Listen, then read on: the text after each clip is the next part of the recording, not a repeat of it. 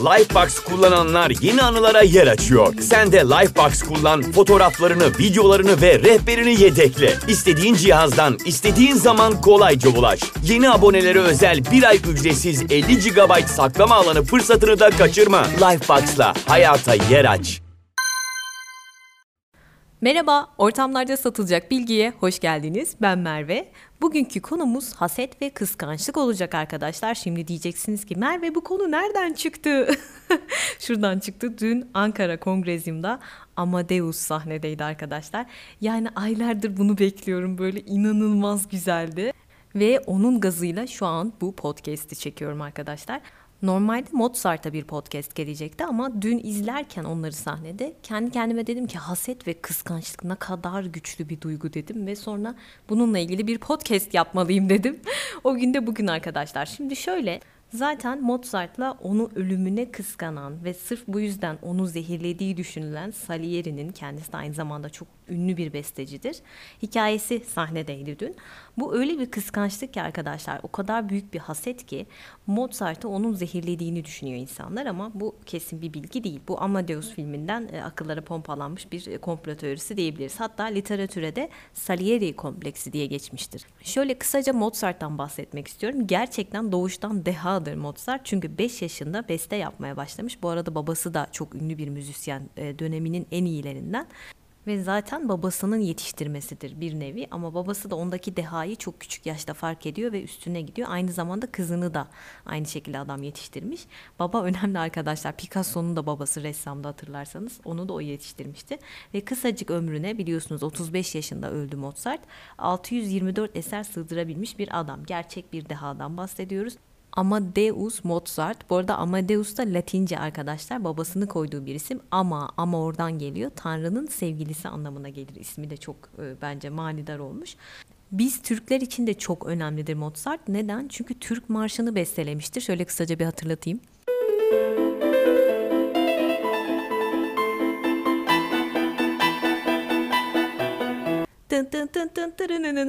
Çok güzel bir marş bence bu ya.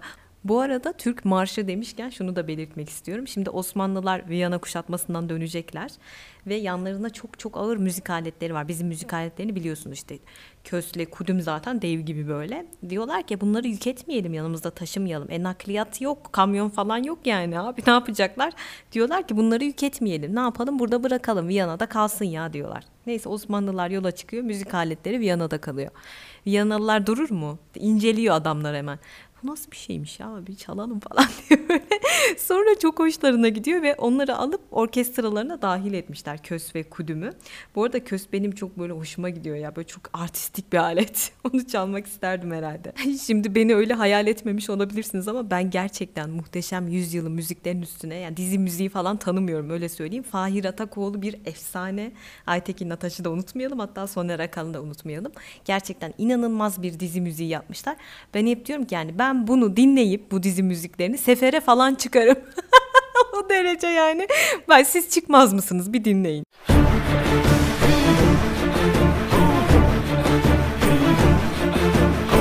Yani şu şarkıyı dinleyip böyle kılıçları kuşanıp sefere çıkasınız gelmedi mi?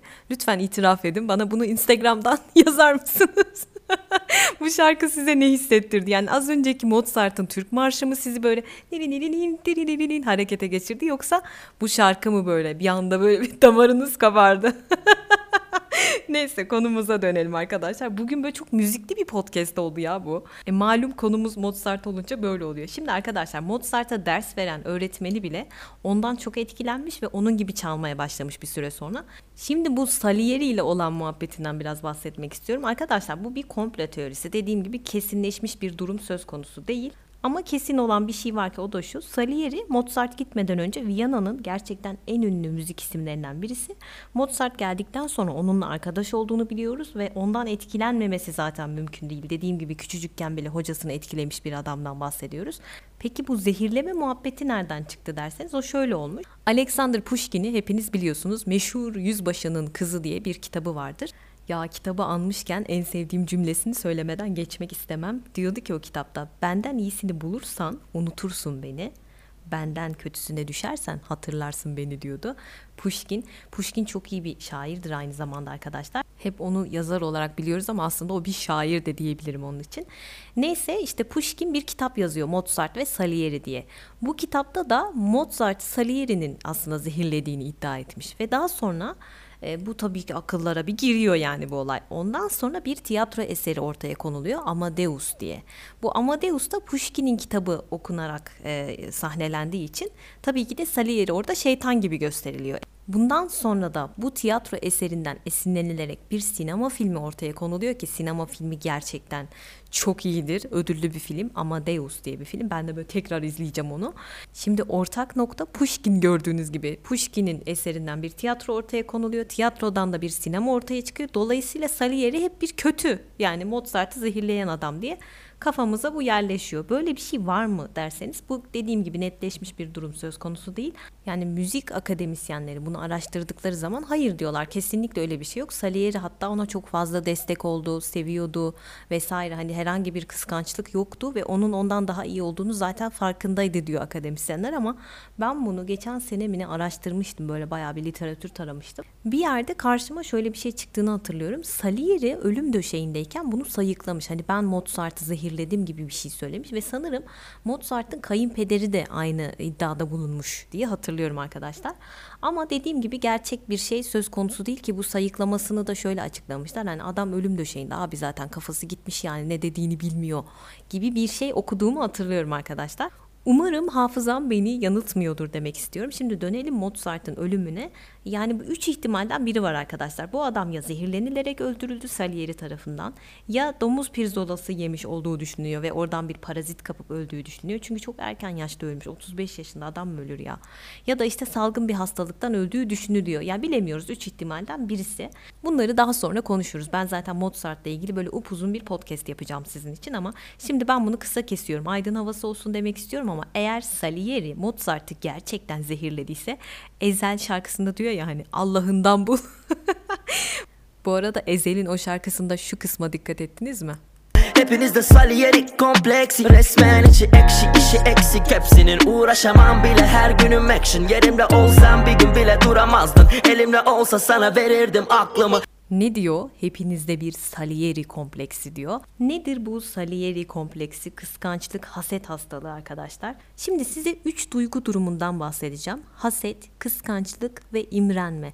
Bunlar çok iç içe geçmiş kavramlar. Özellikle Türkçe'de çok sınırlı bir tanıma sahip olduğunu görüyoruz. Şimdi ben size Türk işi haseti tanımlamak istiyorum. Bunu yaparken de Instagram üzerinden tanımlayacağım arkadaşlar. Çünkü çağımızın haset hastalığının çok önemli bir sebebi Instagram. Birazdan oraya geleceğim. Şimdi şöyle düşünün. İşte Instagram'da geziyorsunuz işte keşfette. Bir kız gördünüz ya da bir adam gördünüz. Sizden çok daha güzel ya da sizden çok çok daha yakışıklı ya da bunların hiçbirisi değil ama bir yerlere gelmiş tamam mı? Yani bir şey olmuş yani ama sizin e, sizin imkanınız yok buna. Yani o kadar güzel değilsiniz ya da işte onun kadar zengin değilsiniz ya da işte öyle mekanlara gitmiyorsunuz. Anladınız ne demek istediğimi?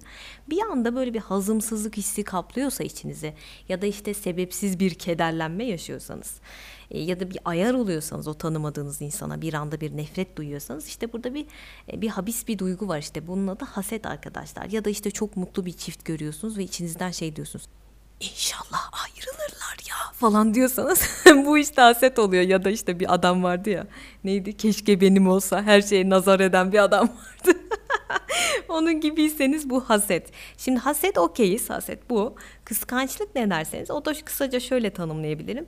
Kişinin bir şeye sahip olması işte bu sevgili olur, eş olur, bir şey olur yani iş olur, statü olur ama onu bir başkasına kaptırma korkusu arkadaşlar kıskançlık. Yani haset dediğimiz şey iki kişinin arasında gerçekleşirken kıskançlık dediğimiz olayın olması için üçüncü bir kişinin devreye girmesi gerekiyor. Gelelim gıpta etme mevzusuna. Gıpta etmek de arkadaşlar imrenmek diye çeviriyoruz çoğu zaman bunu ama burada şu var arkadaşlar içerisinde haset yok, kıskançlık yok yani olumsuz duygulara kapılmadan minnoşça istemek yani karşındaki insanla bir aynilik talebi diyebiliriz imrenmek için. Yani acayip duygularımız var. Çeşit çeşit dediğinizi duyar gibiyim. Ben de aynı şekildeyim. Bu arada en son 81 yılında bir araştırma yapılıyor ve 92 farklı duygu tanımı ortaya çıkarmış araştırmacılar. Bir de şu var Bizde duygu ile his hep karıştırılıyor Türkçe'de özellikle. Yine anlam sınırlaması var bu konuda. Dar yani. İngilizce daha fazla böyle bir imkan sürüyor. İşte duygusu ayrı, duygu durumu ayrı. Hepsine ayrı bir isim vermiş adamlar. İşte duygu durumu, mod, modum düştü diyoruz ya Türkçe'ye de bu şekilde geçmiş. Modum düştü. Bu arada arkadaşlar yani Oktay Sinanoğlu değilim ama gerçekten Türkçe'ye böyle plaza ağzı karıştırıp böyle kasıtlı konuşuyorlar ya çok sinirleniyorum. Çok ayar oluyorum. Bunu buradan söylemek istedim. Plaza dili ve edebiyatını da gömdüğüme göre devam edebilirim. Lifebox kullananlar yeni anılara yer açıyor. Sen de Lifebox kullan, fotoğraflarını, videolarını ve rehberini yedekle. İstediğin cihazdan, istediğin zaman kolayca ulaş. Yeni abonelere özel bir ay ücretsiz 50 GB saklama alanı fırsatını da kaçırma. Lifebox'la hayata yer aç. Şimdi ben bu duygular mevzusunda zaten kendini affet diye bir podcast yapmıştım. Çok sevdiniz onu. Orada bahsetmiştim arkadaşlar. İşte somatizasyon nedir, EQ nedir böyle hafiften bir giriş yapmıştık. Bu arada EQ ile ilgili bir podcast mutlaka gelecek. Zaten değinmiştik. Şimdi hafifçe böyle biraz daha gireceğim arkadaşlar. Duygulardan bahsetmek istiyorum. Duygular bizim belli uyaranlara karşı ortaya koyduğumuz tepkiler. Yani hasetmiş, kıskançlıkmış, gıpta etmekmiş, e, işte öfke olur, e, kızgınlık, tiksinme, şaşkınlık. Bunların hepsi birer duygu arkadaşlar. Ama hisler tamamen sizin mizacınıza göre şekilleniyor. Bakın duygular genel, hisler daha bireysel, daha özel fark ettiyseniz. Ve duygular vücudunuzda bir reaksiyon yaratır arkadaşlar. Hislerimiz ise bu duygulara verdiğimiz tepkiler. O yüzden herkesinki aynı olmayabilir. Yani zihinsel çağrışımlar, hislerimiz. Bunlar kişisel dediğim gibi. Şimdi bunları tanımladığımıza göre herkeste de farklılık gösterecektir dedim. Yani herkes ne bileyim Instagram'a girip ay ben çok hasetleniyorum falan demeyebilir ama bunu az sonra tartışacağız zaten. Şimdi imrenmekten biraz bahsedeceğim arkadaşlar. İmrenmeyi tanımladık işte gıpta etmek diye tanımladım. Burada da aslında düşük seviyeli bir haset var ve haset duygusu kesinlikle daha güçlü arkadaşlar. İnsanı harekete geçirebilecek şey hasettir. Yani imrenme dediğimiz şeyle insan harekete geçmez. Bu çok önemli. Aa hatta bununla ilgili bir TED konuşması var arkadaşlar. Aklıma gelmişken hemen söyleyeyim. Leyla Navarro'nun e, Yıkıcı Hasetten Yaratıcılığa Doğru diye bir TED konuşması var. Orada bu haset duygusu hani diyoruz da çok habis bir duygu, e, belki negatif bir duygu ama onu nasıl pozitif bir şekilde ivmelendirdiğini bir psikoloğun ağzından dinlemek gerçekten çok keyif verici. O konuşmada en sevdiğim söz şu olmuştu arkadaşlar. Haset gerçekleştiremediğimiz potansiyelimizin başkasında gördüğümüz bir aynasıdır demişti. Çok doğru bence. Yani eminim hepiniz imrenmeyi daha iyi bir şekilde algıladınız. Ben de öyle algılamış olabilirim ama imrenme okey daha pozitif görünümlü. Haset çok kötü bir duyguymuş gibi görünüyor ama bazen kötü duygular da gerekebiliyor o itici gücü sağlamak için. Mesela işte Instagram'da bir tane fit birini takip ediyorsunuz. Kadın veya erkek fark etmez. Bakıyorsunuz bakıyorsunuz şey diyorsunuz. İmrenen bir insan şunu söylüyor. Ya helal olsun ya. efsane spor yapıyor ya değil mi falan deyip kapatıyorsunuz. Orada kapanıyor mevzu. Hiçbir şey yok. Olumlu bir duygu, olumladınız, kapattınız. Tamamdır. Ama haset öyle mi? Haset böyle sizi koltuğunuzdan kaldırır, o sporu yaptırır. Çünkü siz ona benzemek istiyorsunuz. Yani aslında iki duygu durumuna baktığınız zaman imrenme çok pozitif görünüyor ama pasif. Ama haset etme çok itici bir güç ve Leyla Navarro gibi yaparsanız evet hayatınıza bunu çok olumlu bir şekilde katabilirsiniz. Yani olumsuz bir şeyi olumluya dönüştürebilirsiniz demek istiyorum. Peki biz bunları nasıl ayırt edeceğiz Merve demiş olabilirsiniz. Şimdi kıskançlıkta arkadaşlar hissettiğiniz şeyler şunlar. Korku, şüphe, yalnız kalma, işte belirsizlik, bir aldatılmışlık. Mesela diyelim ki çok yakın bir arkadaşınız var ve araya üçüncü bir kişi girdi. Onunla biraz samimi oldu o çok yakın arkadaşınız. Hemen böyle bir korkuya kapılıyorsunuz. Onu ona kaptırma korkusu. Elindekini kaybetme korkusu ya kıskançlık. Hasetse değersizlik hissettiriyor size. Suçluluk, inkar, utanma bu gibi duyguları hissediyorsanız buradan ayırt edebiliyorsunuz. Şimdi bu ayrımları yaptığımıza göre bu önemli duyguların tarihteki karşılığına bakmak istiyorum. Tarihte bunun ilk örneği kutsal kitaplarda karşımıza çıkıyor. İlk cinayet olayı arkadaşlar hatırlıyorsunuz. Habil ve abisi Kabil arasında geçen olay. Olayı hatırlayalım. Habil ve abisi Kabil Allah'a birer kurban sunuyorlar. Kabil'in kurbanı Allah tarafından kabul edilmeyince kardeşine inanılmaz bir hasetleniyor ve gidip kardeşi Habil'i öldürüyor. Hatta Maide suresi 27. ayette de andolsun seni öldüreceğim der değil mi? Bu yani Kur'an-ı Kerim'e de girmiş. Aslında burada bir kız meselesi de olduğunu söyleyenler var arkadaşlar. Belki bundan da bahsedelim bir gün. Gelelim edebiyat dünyasına. Karşımıza Dante çıkıyor. Dante İlahi Komedi adlı eserinde haset için ne diyor biliyor musunuz? Yedi ölümcül günahtan birisidir diyor haset için. Şimdi ben de bu yedi ölümcül günahtan biri olan hasetin Instagram yoluyla nasıl hayatımıza böyle derin derin girdiğinden bahsedeceğim sizlere. Şimdi Türkiye'de arkadaşlar en son 2020'de 38 milyon Instagram kullanıcısı vardı. Şu anda bilmiyorum ne kadar var. Şimdi burada şöyle bir durum var arkadaşlar. Tamam kendi özelimizi paylaşıyoruz. Okey ama başkalarının özeline de maruz kalıyoruz Instagram yüzünden. Hem de an be an. Yani Instagram arkadaşlar tam bir çevrim içi karşılaştırma kaynağı olmuş durumda farkındaysanız. Ve dikkat edin arkadaşlar hiçbir şekilde kötü halini, gerçekliği paylaşan yok Instagram'da. Yani geçenlerde bir tane videoya denk geldim. Bilmiyorum gerçekten artık kim viral yapıyor, kim ne yapıyor anlamıyorum artık. Bir tane işte ünlüymüş herhalde. Ağlıyor böyle arabada deliler gibi. Hiç arkadaşım yok diyor. Bilmiyorum bana çok gerçekçi gelmişti. Ya dedim bu işte ya bu. Hani olması gereken şey bu. Keşke herkes bu kadar dürüst ve samimi olsa dedim izlerken. Bilmiyorum gerçek miydi ama etkilendim. Yani çok fazla mutsuz tarafını, onu zayıf gösterecek tarafını paylaşan insanlar yok. Hep böyle işte gezeyim, tozuyum, her şeyim çok güzel yaşıyorum. Ay dört dörtlük yaşıyorum. Bunları gösterme çabası var insanlarda. Bir olumlu, bir pozitif gösterme çabası var. Yani Instagram gerçekten gerçek değil. Zaten bunu anlatmama gerek bile yok. Bakın geçen yaşadığım bir olayı anlatacağım size. Bir kafede oturuyorum. Bir çift girdi içeri. Böyle o kadar güzeller ki böyle o kadar yakışmışlar ki birbirine. Ay dedim ne kadar tatlılar. Neyse oturdular. Bakın size yemin ederim saatlerce konuşmadılar biliyor musunuz? Bir tek kelime bile konuşmadılar. Telefondan kafalarını kaldırmadılar. Bakın bir kelime bile konuşulmadı. Sadece kız gülerek böyle sevgilisini öptü bir fotoğraf attı. Bu benim gözümün önünde yaşandı ya. İnanamıyorum yani şok içerisinde izledim o çifti. Ondan sonra fotoğraflarını attılar hesabı ödeyip kalktılar. Hiçbir şekilde konuşma olmadı aralarında. Ve siz belki öyle bir çifti görüp haset ediyorsunuz. Ne kadar muhteşem bir çift. Neden benim bir ilişkim olmuyor falan diyorsanız bence bunu bir daha düşünün demek istiyorum. Bir de şöyle tipler varmış arkadaşlar. Instagram'a yeni fotoğraf atacak ya yeni kıyafeti olması gerekiyor. Yeni ayakkabı, yeni saat, yeni çanta vesaire. Çünkü daha zengin gösterecek ya kendini. Yani tehlikenin farkında mısınız arkadaşlar? Instagram bizi ne kadar tüketici yapıyor, buna mail ettiriyor bizi ya da işte kendimizden asla hoşnut olmamamıza sebep oluyor. Yani Instagram şu an hasetin baş kaynağı. Eğer e, Salieri yaşasaydı ve Mozart da yaşasaydı ve Instagram kullansaydı büyük ihtimalle bu sefer kem gözleriyle öldürürdü Salieri.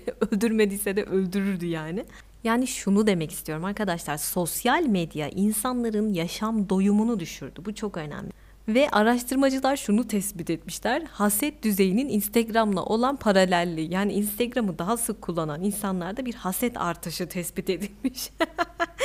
e, olsun haset edelim ne olacak demiş olabilirsiniz. Sonuçta şu oluyor arkadaşlar büyük bir depresyona sürüklenen insanlar oluyor. Herkes aynı şekilde etkilenmiyor çünkü. Mesela ben etkilenmiyorum. Yani Instagram'a bakıp ne bileyim hiç depresyona girmedim. Çünkü beni takip ettiğim adamlar hani ne bileyim işte sanattır, mimaridir vesairedir. Keşfetime düşenler bunlar. Tabii ki arada böyle abuk subuk şeyler görüyorum ama hiç umursamıyorum yani. Bu herkes için aynı değil diyor araştırmacılar. Bazı insanlar hasete daha yatkın oluyormuş yani bu bir gerçek. Bir de deney yapıyorlar arkadaşlar. Sosyal medya kullanımını azaltanlarda depresyon da otomatik olarak azalmış. Yani bu insanlar hasete yatkın olan insanlar. İşte o depresyonda azalma görülüyor ya. Haset düzeyi düşüyor çünkü. Dediğim gibi herkes için geçerli bir kural değil bu. Bir de şu var arkadaşlar eğer zaten hali hazırda depresyondaysanız ya da depresyona girmeye çok uygun bir bünyeniz varsa Instagram hayatınızı mahvedebilir. Neden? Çünkü şu kafayla bakacaksınız her gördüğünüze herkes benden daha mutlu, daha zengin, daha güzel, Allah da beni kahretmesin diye olaya yaklaşacağınız için Instagram'dan lütfen uzak dursun depresyonda olanlar. Ya bir de şu durum çok komik. Instagram'da böyle haset edeceğiniz kişileri kendiniz seçiyorsunuz aslında ama farkında değilsiniz. Ben hep diyorum ya sosyal medya deyip geçmeyin arkadaşlar. Instagram'da, YouTube'da vesairede kimleri takip ettiğinize bir bakın. Aslında o sizin olmak istediğiniz kişidir. Bakın bunu unutmayın bu sözümü. Hatta bunu sadece ben söylemiyorum. Aristoteles de söylüyor arkadaşlar. Retorik eseri var ya orada diyor ki Aristoteles siz diyor en çok zaman, mekan, statü açısından kendinize yakın gördüğünüz insanlara haset hissedersiniz, haset duyarsınız. Bunu çerçeveletin asın. Yani hasetle ilgili söylenmiş en iyi sözü bence Aristoteles söylemiş. Çok doğru. Yani arkadaşlar kısaca bireyler gördüklerine ve karşılaştırma yapma imkanına sahip olduklarına haset ediyorlarmış. Yani hasetleneceğiniz kişileri siz kendiniz seçiyorsunuz Instagram'da. O yüzden lütfen kimleri takip ettiğinizi şöyle gözden bir daha geçirin arkadaşlar. Yani ne kimsenin Antonio Salieri'si olun ne de bir başkası sizin Salieri'niz olsun bu hayatta. Elem terefiş kem gözlere şiş demek istiyorum.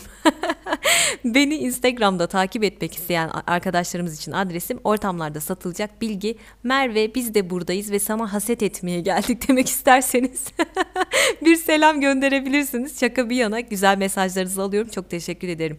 Kendinize iyi bakın. Hoşçakalın. Bay bay. Neymiş efendim ben kem gözlüymüşüm. Neymiş benim nazarım değiyormuş. Külliyen yalan. Hiç kimsenin malında malında mülkünde gözüm yok çok şükür. Beni bilen bilir. Keşke benim olsa. Lifebox kullananlar yeni anılara yer açıyor. Sen de Lifebox kullan, fotoğraflarını, videolarını ve rehberini yedekle. İstediğin cihazdan, istediğin zaman kolayca ulaş. Yeni abonelere özel bir ay ücretsiz 50 GB saklama alanı fırsatını da kaçırma. Lifebox'la hayata yer aç.